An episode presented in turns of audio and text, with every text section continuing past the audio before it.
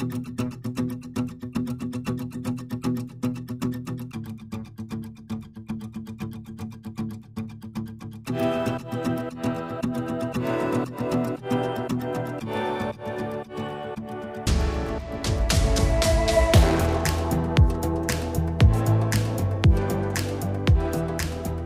Dzień dobry Państwu, z tej strony Jakub Bodziony i jak w każdy piątek zapraszam na rozmowę o sprawach międzynarodowych. Możecie nas oglądać na Facebooku oraz YouTubie Kultury Liberalnej albo słuchać na Waszej ulubionej platformie streamingowej w formie podcastu. Dziś e, temat nie mógł być inny, ponieważ wczoraj nad ranem rozpoczęła się pełnoskalowa inwazja Rosji na Ukrainę. Celem Rosji rzekomo ma być demilitaryzacja oraz denazyfikacja Ukrainy, co jest oczywiście podłym kłamstwem, ponieważ e, po prostu celem Kremla jest obalenie obecnego rządu i zajęcie Kijowa. W rzeczywistości Putin najechał Ukrainę, bo ta chciała stać się demokratycznym krajem, co stoi po prostu w sprzeczności z jego imperialnym projektem autokratycznej kleptokracji na modłę Związku Sowieckiego. Jak pisała Ann Applebaum, Ukraina podważa ten projekt przez sam fakt, że istnieje jako niezależne państwo. Stała się niebezpiecznym przeciwnikiem Rosji, bo zapragnęła czegoś więcej wolności i dobrobytu.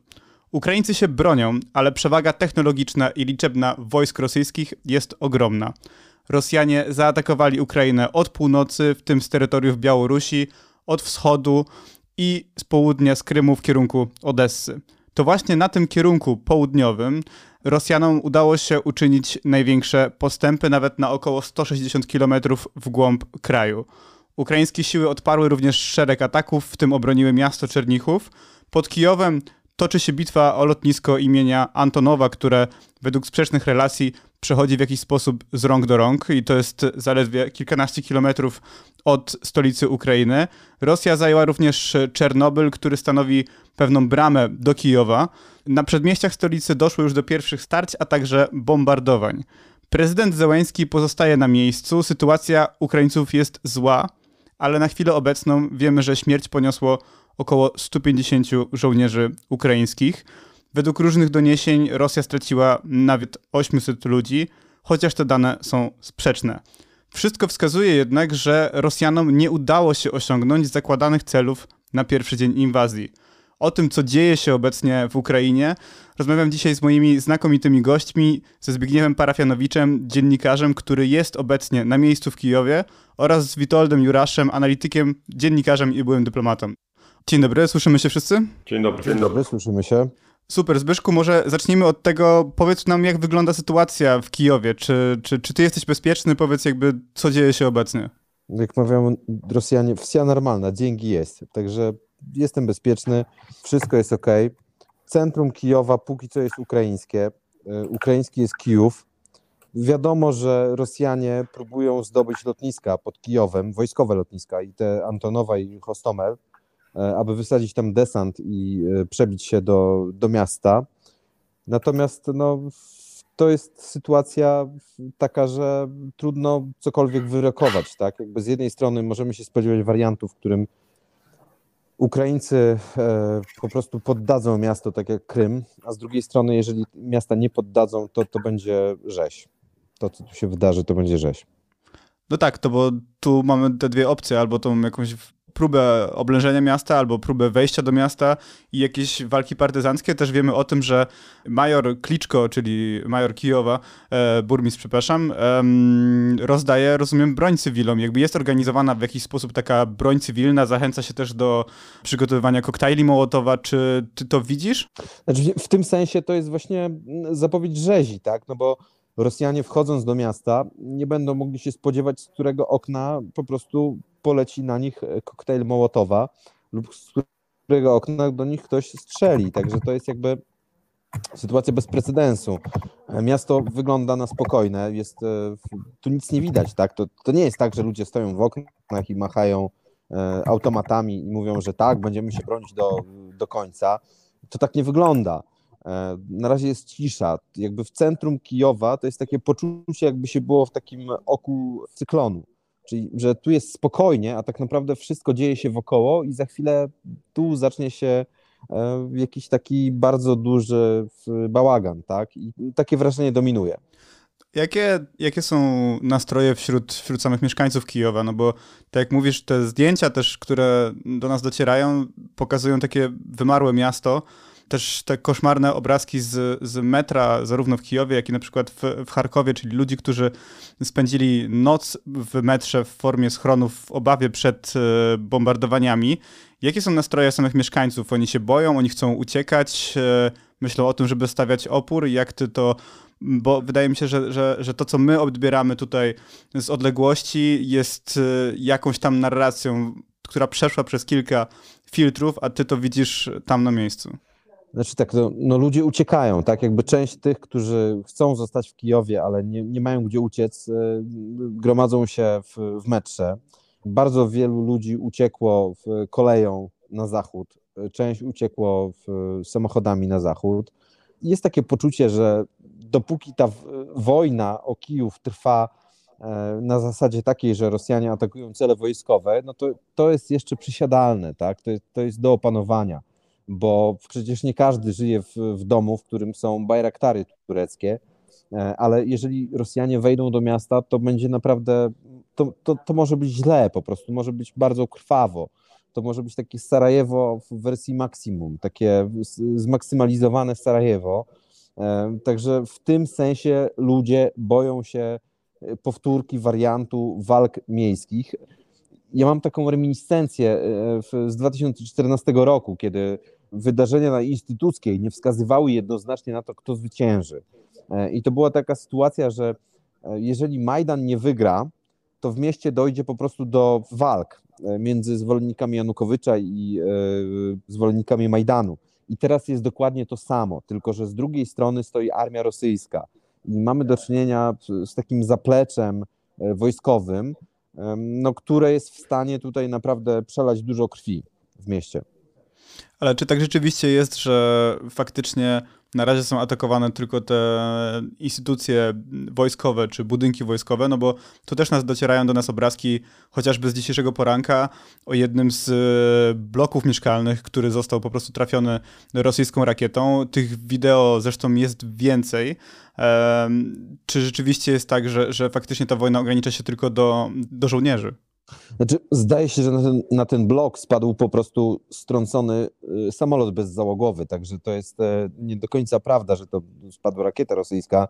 Póki co Rosjanie jakby starają się realizować taki wariant belgradzki, żeby się uzasadnić przed wspólnotą międzynarodową, że e, nie strzelają do obiektów cywilnych. Także to są ostrzały lotnisk, to są ostrzały baz wojskowych, to są ostrzały miejsc, w których e, spodziewana jest jakby obecność armii e, ukraińskiej. I póki co, no to jest wojna jakby armii, tak? Ale gdy wejdą do miasta, to będzie to wojna armii i mieszkańców miasta. I w tym sensie to jest e, bardzo niebezpieczne, tak? Ten, ten, ten wariant walk miejskich jest naprawdę zapowiedzią czegoś bardzo brzydkiego.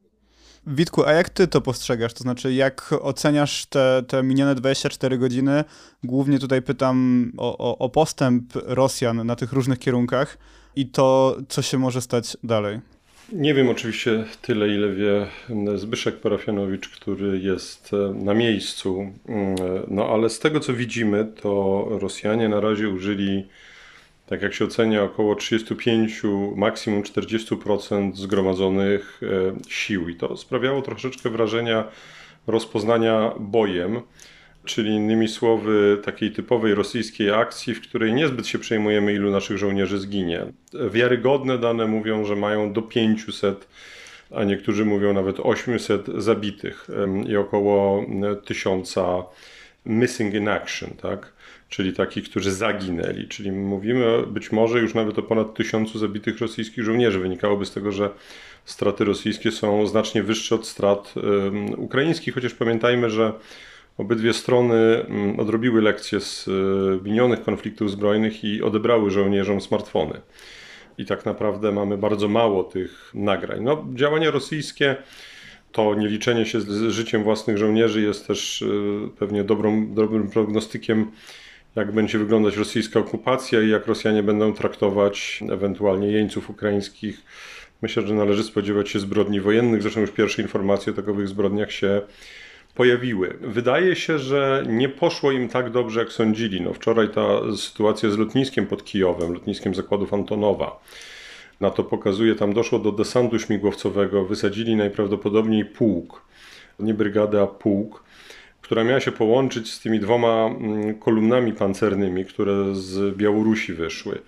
No tak jest taka, jeżeli nawiązać y, do, do, historii, to troszeczkę jak operacja Market Garden, czyli najpierw y, prawda, siły powietrzno-desantowe, no tutaj przetransportowane śmigłowcami, tam zrzucone na spadochronach, desantują się, następnie musi przyjść sprzęt pancerny, dlatego że piechota zmotoryzowana, czy też y, jednostki powietrzno-desantowe lekko uzbrojone są w stanie utrzymać lotnisko, da się ocenia, do 12 godzin. No i nie byli w stanie Rosjanie utrzymać, czyli coś im nie wyszło. Wygląda na to, że to jest w pewnym sensie wojna javelinów, to znaczy, że Ukraińcy byli w stanie te kolumny zatrzymać, zadając im właśnie straty przy pomocy pocisków przeciwpancernych. No i również wydaje się, że. Tych dostarczonych przez Zachód. Tak, no i wydaje się, że również też y, strącili dość dużo śmigłowców, bo te śmigłowce po to, żeby dokonać desantu, musiały latać dużo, często i nisko.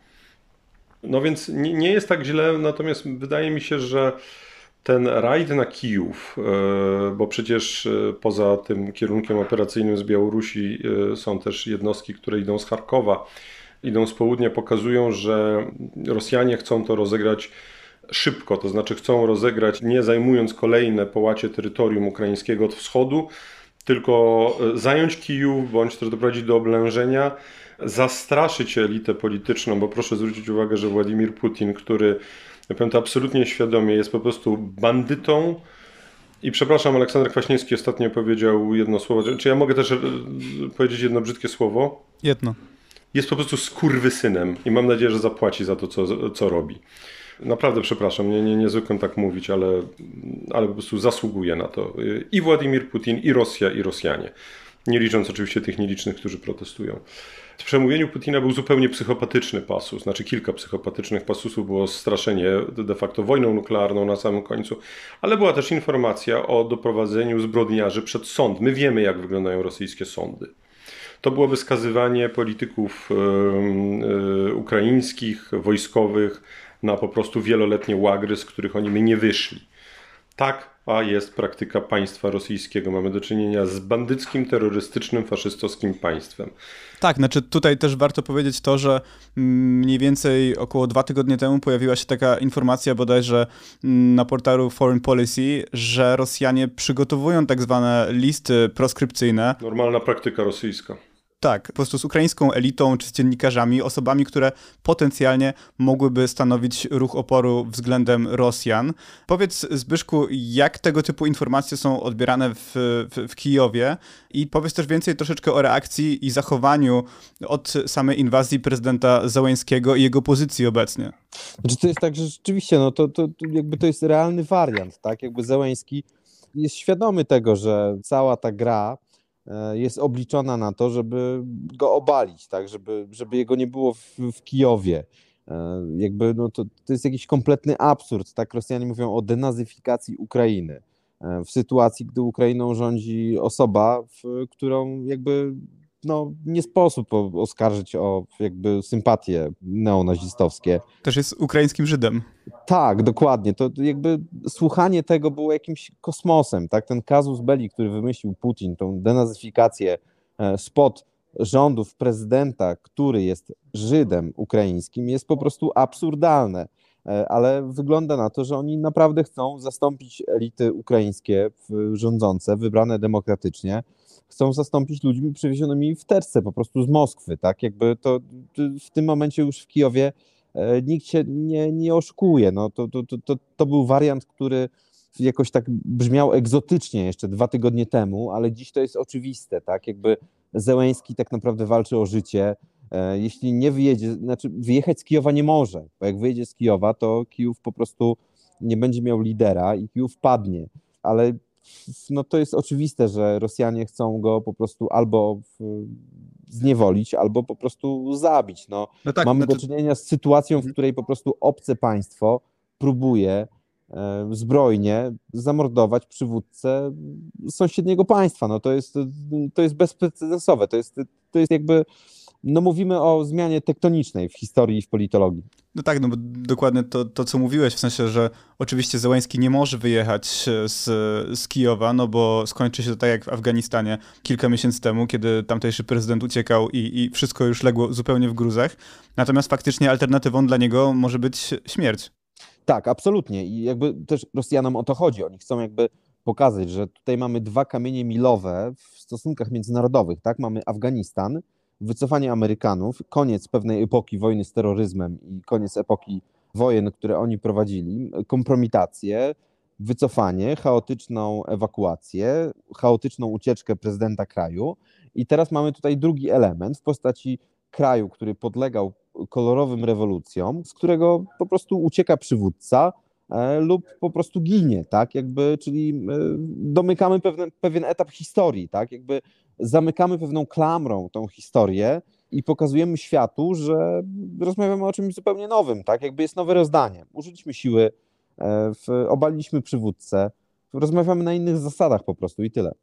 Jeszcze chciałem Cię dopytać o, o te reakcje społeczne. To znaczy, czytałem dzisiaj na, na Guardianie relację jednej z ukraińskich dziennikarek, zresztą doświadczonej reporterki wojennej, i ona sama pisała, że była zaskoczona, w sensie samym faktem tej pełnoskalowej inwazji i, i nie jedyna, to znaczy jakby jej koledzy i koleżanki z redakcji, czy, czy, czy po prostu inni dziennikarze, czy specjaliści również byli tym zaskoczeni.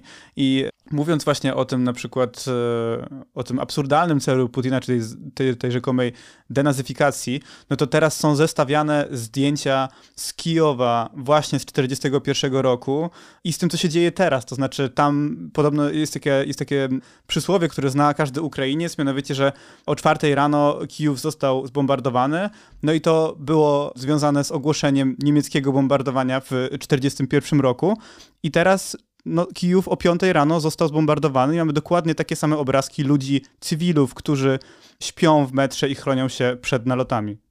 To jest, to jest naprawdę niesamowite. No, wysłuchałem tego przemówienia Putina w czwartek nad ranem. Trzy minuty później, dokładnie trzy minuty później spadły pierwsze pociski manewrujące na Kijów, tak? Jakby wyszedłem na balkon, nie wierząc w to, co się dzieje, tak? To jest trzymilionowe miasto europejskie, e, które nigdy bym nie przypuszczał, że spadną na to miasto pociski rosyjskie. Przemówił prezydent e, i parę minut później spadają pociski. Słychać po prostu wybuchy. E, kilkanaście wybuchów, atak na miasto po prostu europejskie, które e, nikomu nie zagraża, które chce się rozwijać, e, które chce sobie po prostu najzwyczajniej w świecie żyć, jest bombardowane pociskami manewrującymi. A powiedz jeszcze, jak są odbierane w samym Kijowie te doniesienia z innych części kraju? Tutaj chyba taką no, najbardziej znaną historią i też wstrząsającą jest ta e, związana z e, tą maleńką wysepką węży na Morzu Czarnym, terytorium zresztą pozbawionym strategicznego znaczenia. Tam nie, nie, nie, nie, nie, nie. To, to, to jest absolutnie, tak? ja się z tym nie zgadzam. To jest wyspa o strategicznym znaczeniu.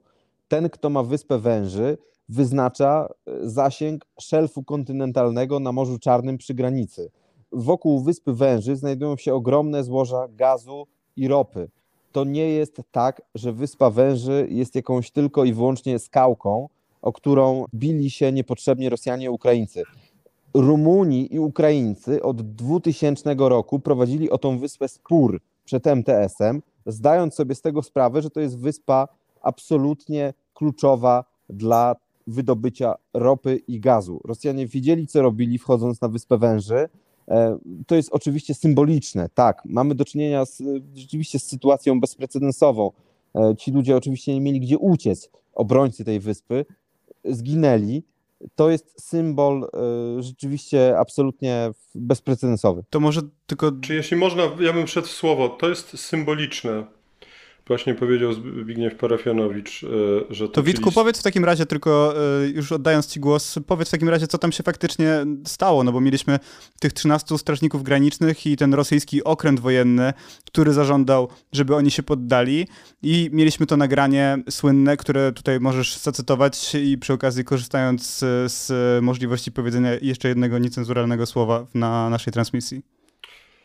Ech ja generalnie staram się, mm, to wyjaśnię, mm, unikać emocji. O słowa u pewnych ludzi są przecinkami, u mnie raczej są wyrazem tych, tych emocji, ale po prostu to, co robią Rosjanie, to jest zło w najczystszej postaci i, i stąd te emocje. Natomiast już na prawach cytatu po prostu usłyszeli w odpowiedzi idziecie na chuj. To jest taki bardzo wschodni sposób rozmowy. Zresztą w ogóle ten, ten sposób, który się zachowuje Ukraina do tej pory też jest taki, że no nie chcę wpadać w taką mm, polsko-prawicową narrację, że oto my na Zachodzie, czy też Zachód to jest ogólnie prawda, słaby, bo gender, bo homoseksualiści, ale myślę, że Zachód rzeczywiście w takiej sytuacji, w której znajduje się Ukraina, mówiąc potocznie, wymiękłby 100 razy.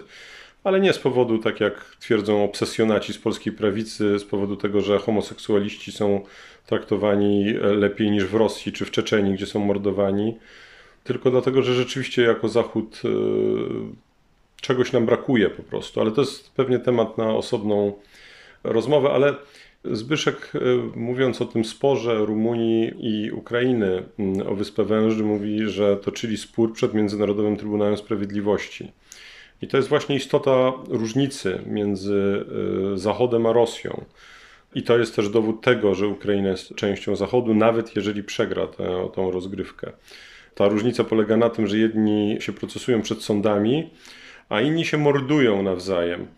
Ja e, napisałem niedawno tekst w Onecie o polskiej rusofobii, bo istnieje coś takiego jak rusofobia. My często mówimy Ruscy, generalnie pogardzamy, że to, to prawda, oto wszyscy Rosjanie są. No nie, są tacy, którzy protestują.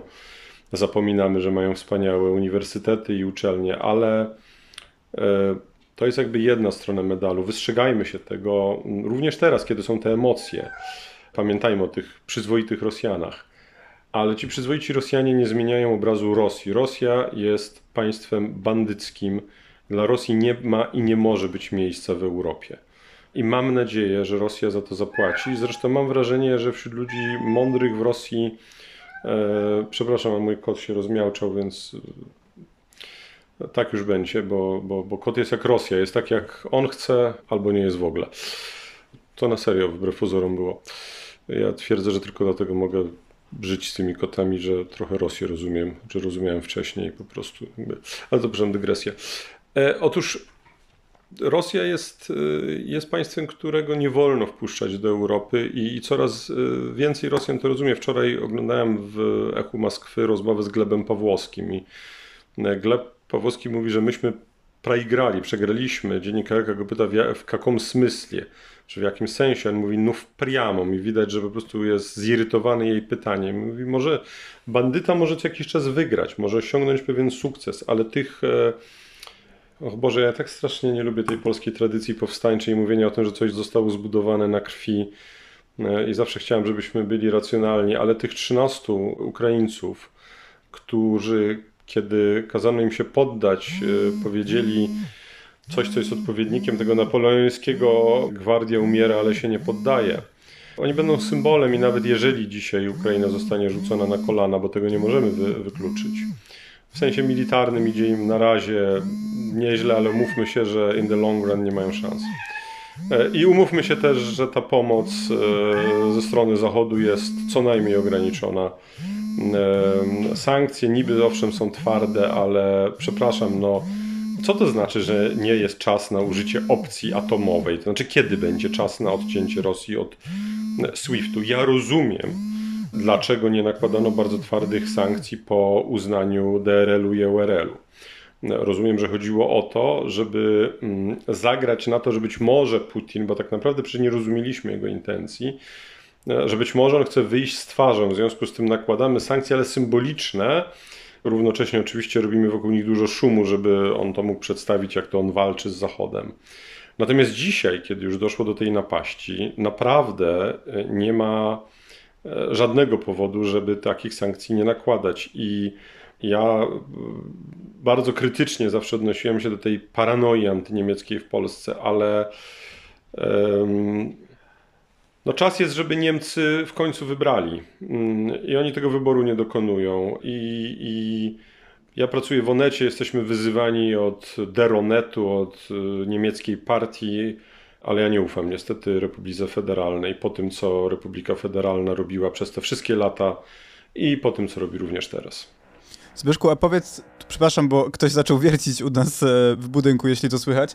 Powiedz, jak te reakcje zachodnie są oceniane na Ukrainie i jaki też ty widzisz dalszy rozwój wypadków, to znaczy jakby jakie są scenariusze dla samych Ukraińców?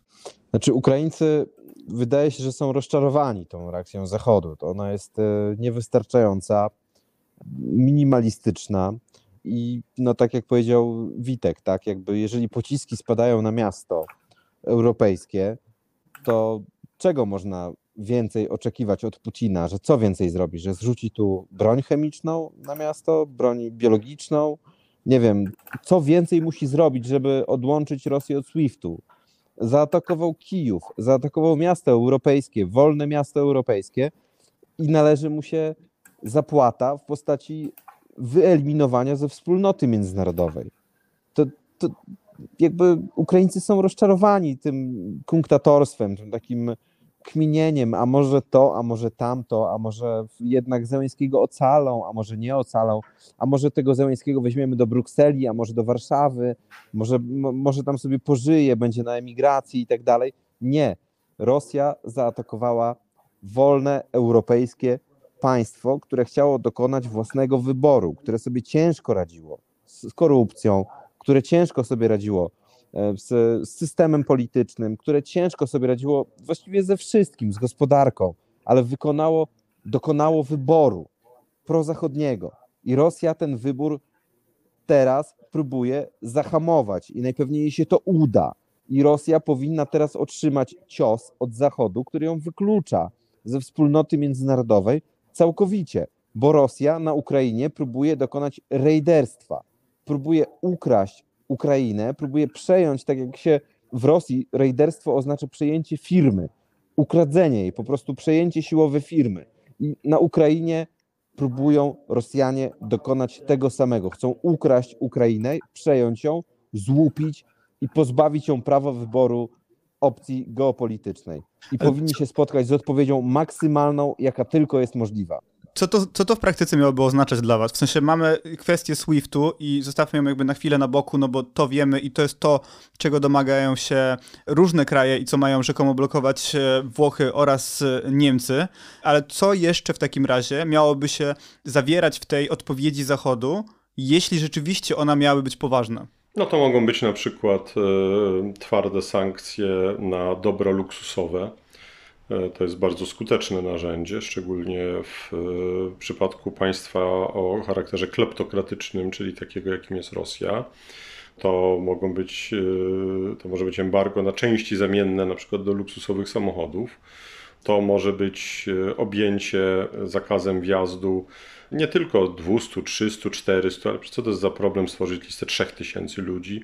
To może być uderzenie w rodziny. E, to jest to, co Amerykanie robią. Oczywiście można powiedzieć, no cóż jest winna na przykład córka Siergieja Ławrowa, która mieszka sobie szczęśliwie w Nowym Jorku. Jej tatuś codziennie szczuje na zachód, a ona sobie mieszka w Nowym Jorku, bo jej się w Nowym Jorku bardziej podoba niż, e, niż, niż w Moskwie. A no, no nic nie jest winna poza tym, że e, żyje z faktu, że jej tatuś jest złodziejem, dlatego że on nie kupił jej mieszkania z pensji ministra spraw zagranicznych. Dlatego, że jest rozkradany majątek Rosji. Rosjanie żyją biednie jak na bogate państwo, którym przecież są, po to, żeby elita się pławiła w luksusach. Amerykanie się tutaj nie martwią, Unia Europejska mm, jest przekonana, że to, że to w sądach by, mówiąc krótko, nie przeszło. No to nawet jeżeli by nie przeszło, to można się z nimi procesować przez 2-3 lata, w międzyczasie można je z tego Nowego Jorku wyrzucić. Po prostu, zwyczajnie w świecie. Nawet ten można wprowadzić sankcje takie, jak zostały wprowadzone kiedyś na Iran, czyli innymi słowy, uniemożliwić e, kupno, serwisowanie samolotów i kupno części do samolotów. Ktoś powie, że to naraża zwykłych ludzi na utratę życia. No tak, owszem, naraża. Niech się przesiądą na Tupolewy i Antonowy. E, no, że Antonowy zły przykład, ukraiński samolot jakoś tak pomyślałem o starych sowieckich samolotach. Tak, owszem, sankcje są brutalne. Tak, owszem, sankcje uderzają w zwykłych ludzi. Tak, ale też ci zwykli ludzie, tutaj wydaje mi się to, co się często pomija, jakby większość Rosjan popiera politykę Putina, tak? Ale oczywiście, ale oczywiście, że tak i przecież zawsze rośnie poparcie dla Władimira Putina, ilekroć on rozpętuje wojnę. Więc mówiąc krótko, mnie prawa Rosjan mało interesują. Rosja, Rosjanie są agresorem, że tam są przyzwoici ludzie, no wiecie Państwo, ja czytałem kiedyś wspomnienie amerykańskiego żołnierza, z czasów II wojny światowej, który powiedział, że on ma poczucie, że zabił bardzo wielu przyzwoitych Niemców. No ale niestety, y, jak jest wojna, to, y, to jest bardzo prosty wybór. Można życzyć, y, można sobie życzyć, dopóki wojna nie wybuchnie, żeby nie wybuchła, ale gdy już wybucha, jest wybór prosty i oczywisty. Ja tego wyboru dokonuję jednoznacznie, z bólem serca, bo Pracowałem 4 lata w Moskwie, tam się urodziły moje dzieci. Mam ogromny sentyment do tego miasta, a po tym co mówię, przecież mam świadomość, że jak za 25 lat mi się uda raz na wycieczkę do Moskwy pojechać, to będzie dobrze, bo najprawdopodobniej już nigdy nie będę mógł tam pojechać. A tak jak podkreślam, mam sentyment do Moskwy, mam tam znajomych, ale trudno, jest wojna. Zbyszku, powiedz, tutaj mam pytanie od pana Wojciecha Polaka. Co oznacza propozycja rozmów Zełańskiego i Putina, na które ten się wstępnie zgodził? Czy to oznaka kapitulacji Ukrainy, czy gra na czas? Może to oznaczać to samo, co było w 2008 w Gruzji, tak? Czyli jakby no, narzucenie planu pokojowego putinowskiego, e, rozejmu, który dla niego jest korzystny, czyli wymuszenia na nim, e, nie wiem, no, kantonizacji Ukrainy, stworzenia z tego kraju jakiegoś kraju kadłubowego, który nie ma dostępu do morza, ma stolicę może w Lwowie, jakby uwikłania go na wiele lat w, w negocjacje. E, sam fakt uwikłania Ukrainy w negocjacje no jest korzystny dla Rosji. Tak? Jakby do, do niedawna mówiliśmy, że Rosjanie nie zgadzają się na wstąpienie Ukrainy do NATO, tak? A teraz będziemy mówić, że jakby prowadzimy negocjacje o tym, czy Kijów jest stolicą Ukrainy, czy nie. Także w, w, tym sensie Rosja ma z tego korzyść, tak? Jakby uwikłanie w absurdalne negocjacje o tym, jaki ma być status Ukrainy, jaki ma być status stolicy Ukrainy, jest krokiem do przodu dla Rosjan. Tak? To nie jest już dyskusja o NATO, bo ta dyskusja już jest zamknięta, wydaje się, tylko dyskusja właśnie o tematach y, absolutnie no, zastępczych. No i o to chodziło Putinowi i wydaje się, że ten cel powoli zaczyna osiągać. Jakiego wy rozwoju się sytuacji spodziewacie w następnych kilku dniach? To znaczy, co, jaki jest najbardziej, powiedzmy, pozytywny scenariusz i pesymistyczny scenariusz? Pesymistyczny rzeczy mówiliśmy, ale co pozytywnego mogłoby się stać? Bardzo trudne pytanie, dlatego że nie ma tych pozytywnych scenariuszy. Po prostu jest scenariusz, e, znaczy najbardziej pozytywnym scenariuszem jest scenariusz, w którym Ukraina stosunkowo długo walczy i kiedy dochodzi do rozmów, one się odbywają jednak na takich warunkach, które uwzględniają fakt, że Rosja ugrzęzła w wojnie. Na razie rosyjskie straty są wysokie, więc być może jest tak, że jeżeli tych ofiar rosyjskich będzie 2, 3, 4, 5 tysięcy, zaczynają się jakieś większe protesty. Nie, przepraszam, to się nie stanie to będą cały czas małe protesty, nie wierzę w to. E, może inaczej. Najbardziej pozytywnym scenariuszem jest e, ten, w którym w strukturze władzy rosyjskiej zaczyna narastać bunt przeciwko Putinowi. Jak wiadomo, każdy człowiek we władzach Rosji ma pribliżonowo oligarcha albo, albo słup, który pierze jego pieniądze w Londynie i ci ludzie czują, że Władimir Putin ich e, doprowadza do tego, że tracą znaczną część e, majątku i Władimir Putin zgodnie z rosyjską tradycją wprowadzoną przez niego, zgodnie z putinowską tradycją dostaje ataku alergii. To to byłby taki pozytywny scenariusz. No, drugi jest taki, że dochodzi do przegranej na w miarę, no, na warunkach, które pozwolą Ukrainie się rozwijać. Natomiast e, ja się niestety boję, że jeżeli Ukraina przegra szybko, to mm, Rusland Fersztejerzy podniosą głowę. Oni chwilowo, jak się wydaje, e, znaleźli się w odwrocie, no ale już ta decyzja o Swiftie pokazuje, że. Tutaj mam jeszcze jedno pytanie od publiczności. Postaram się przekazać mimo tego odgłosu wiercenia. Nie rozumiem, dlaczego wciąż marginalizuje się kwestię przyjęcia Ukrainy do NATO. Skąd wiadomo, że gdyby z tego zrezygnowano, Rosja nadal zaatakowałaby Ukrainę? I to jest też argument, który się pojawia na przykład u Jeffrey'ego Sachsa w Stanach, który podawała zresztą na dzień przed inwazją Mariana Mazzucato. Także to jest coś, co wybrzmiewa w, w zachodniej po prostu sferze. Ukraina nigdy nie będzie w NATO. Ukraina właściwie niewykluczone, że jesteśmy świadkami końca Ukrainy. Jeżeli Rosjanie zdobędą Kijów, centrum Kijowa i opanują stolicę, to nawet bez flagi e, rosyjskiej w Kijowie nie ma już dawnej Ukrainy. Ukraina, jeśli przegra bitwę o swoje istnienie, nie będzie już Ukrainą. Ukraina będzie Białorusią, będzie kolejnym okręgiem wojskowym rosyjskim. Nie będzie mowy o integracji Ukrainy z NATO, jeśli w Kijowie pojawią się w budynkach rządowych ludzie przywiezieni w terce przez wojska rosyjskie. Myślę, że Ukraina nigdy nie miała szans na wejście do NATO, a e, rozszerzanie paktu w sytuacji, w której e, jesteśmy na granicy wojny, bo, bo, bo to przecież, jak rozumiem, o to chodzi w pytaniu, to jest, e, no proszę wybaczyć, troszeczkę takie rozwiązanie ala Korwin-Mikke, czyli niby teoretycznie dobre, a praktycznie niewykonalne. Nikt nigdy w ogóle przez sekundę o czymś takim nie e, myślał. Ale mm, Zbigniew Parafianowicz e, wspomniał o Białorusi. Mm. Czy, czy to jest tak, że jakby Rosja nie spocznie, dopóki Ukraina nie będzie kolejną Białorusią? To znaczy myślę, że aż tak dobrze to im nie pójdzie, dlatego że e, no jednak to poczucie, no Ukraina dużo dalej zaszła na, na, na drodze tworzenia własnej państwowości w tej swojej odrębności. Zresztą Rosjanie im w tym bardzo pomogli tą wojną. Pomogli w sensie takim jakby mentalnego oddzielenia się od, od Rosji. Natomiast ja bym chciał zwrócić panów i, i państwa uwagę na to, że w tle tego kryzysu i czy też dramatu ukraińskiego mamy jeszcze jeden dramat, mianowicie mamy koniec Białorusi.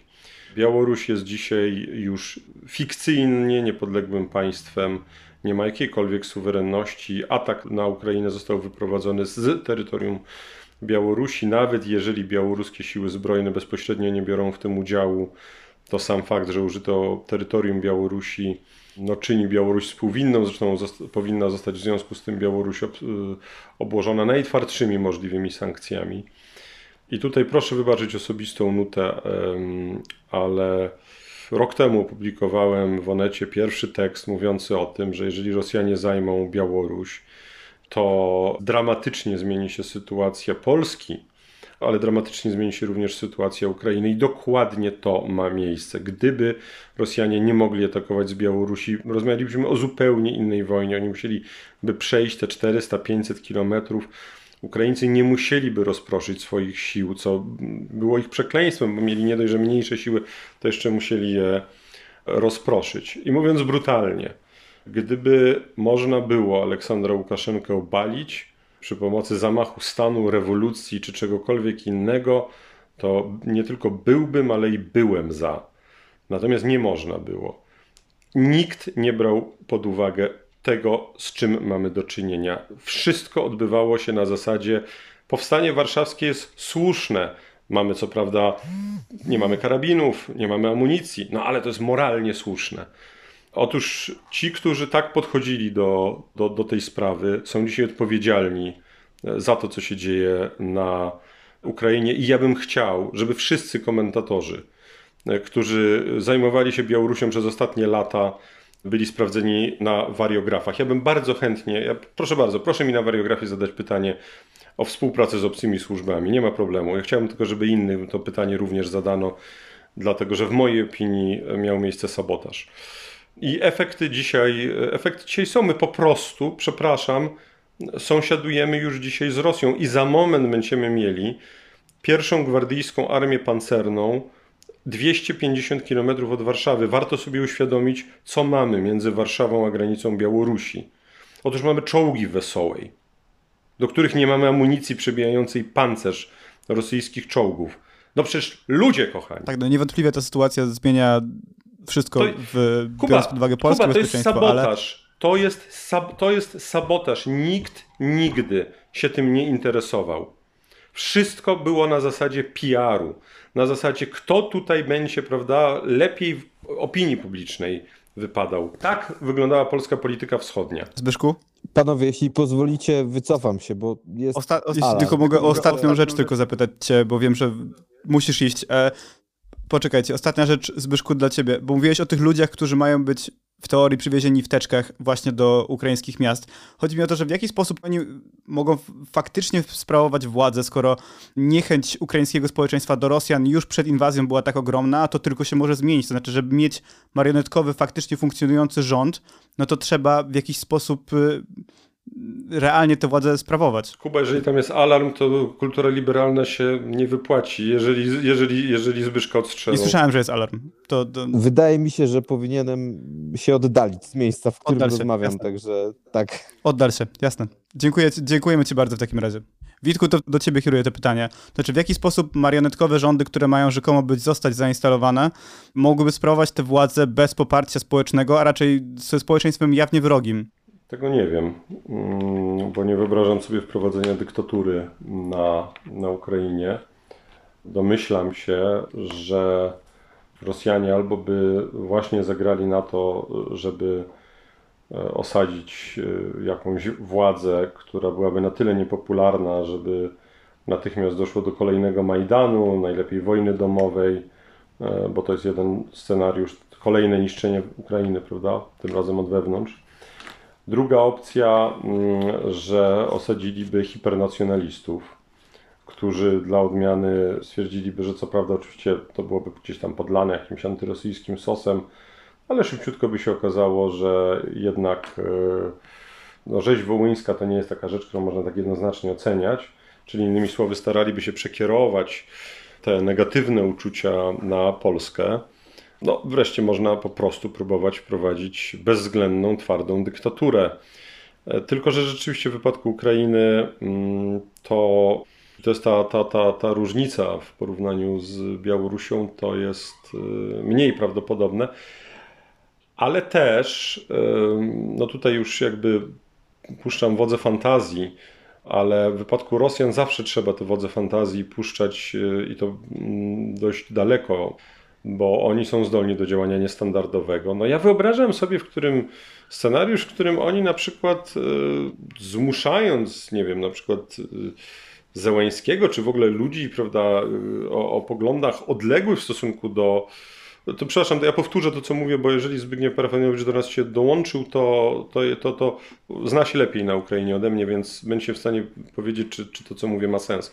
Powiedziałem, że wydaje mi się, że Rosjanie potrafią działać bardzo niestandardowo i pomijając wszystkie różne scenariusze obsadzenia ultranacjonalistów na tronie, bądź prawda, jakichś prorosyjskich, którzy zostaną obaleni, tworzenia chaosu, a może na przykład zostawią Zełańskiego, bo potrafią działać niestandardowo i ogłoszą to jako swoją, prawda, no, że oni poszli na ustępstwa, tylko że to będzie już Zełenski z wybitymi zębami, to będzie Zełenski z wykręconymi rękoma, to będzie Zełenski całkowicie złamany. Zbyszku, to proszę Cię mów, póki masz możliwości, kiedy wszystko jest w porządku. Nie no, Witek ma rację, no jakby Rosjanie spróbują zainstalować tu jakąś tam ekipę, ona nie będzie miała legitymizacji, bo Zełenski nawet jak przegra wojnę, no, no to będzie musiał się jakby wytłumaczyć Ukraińcom z tego, dlaczego ją przegrał.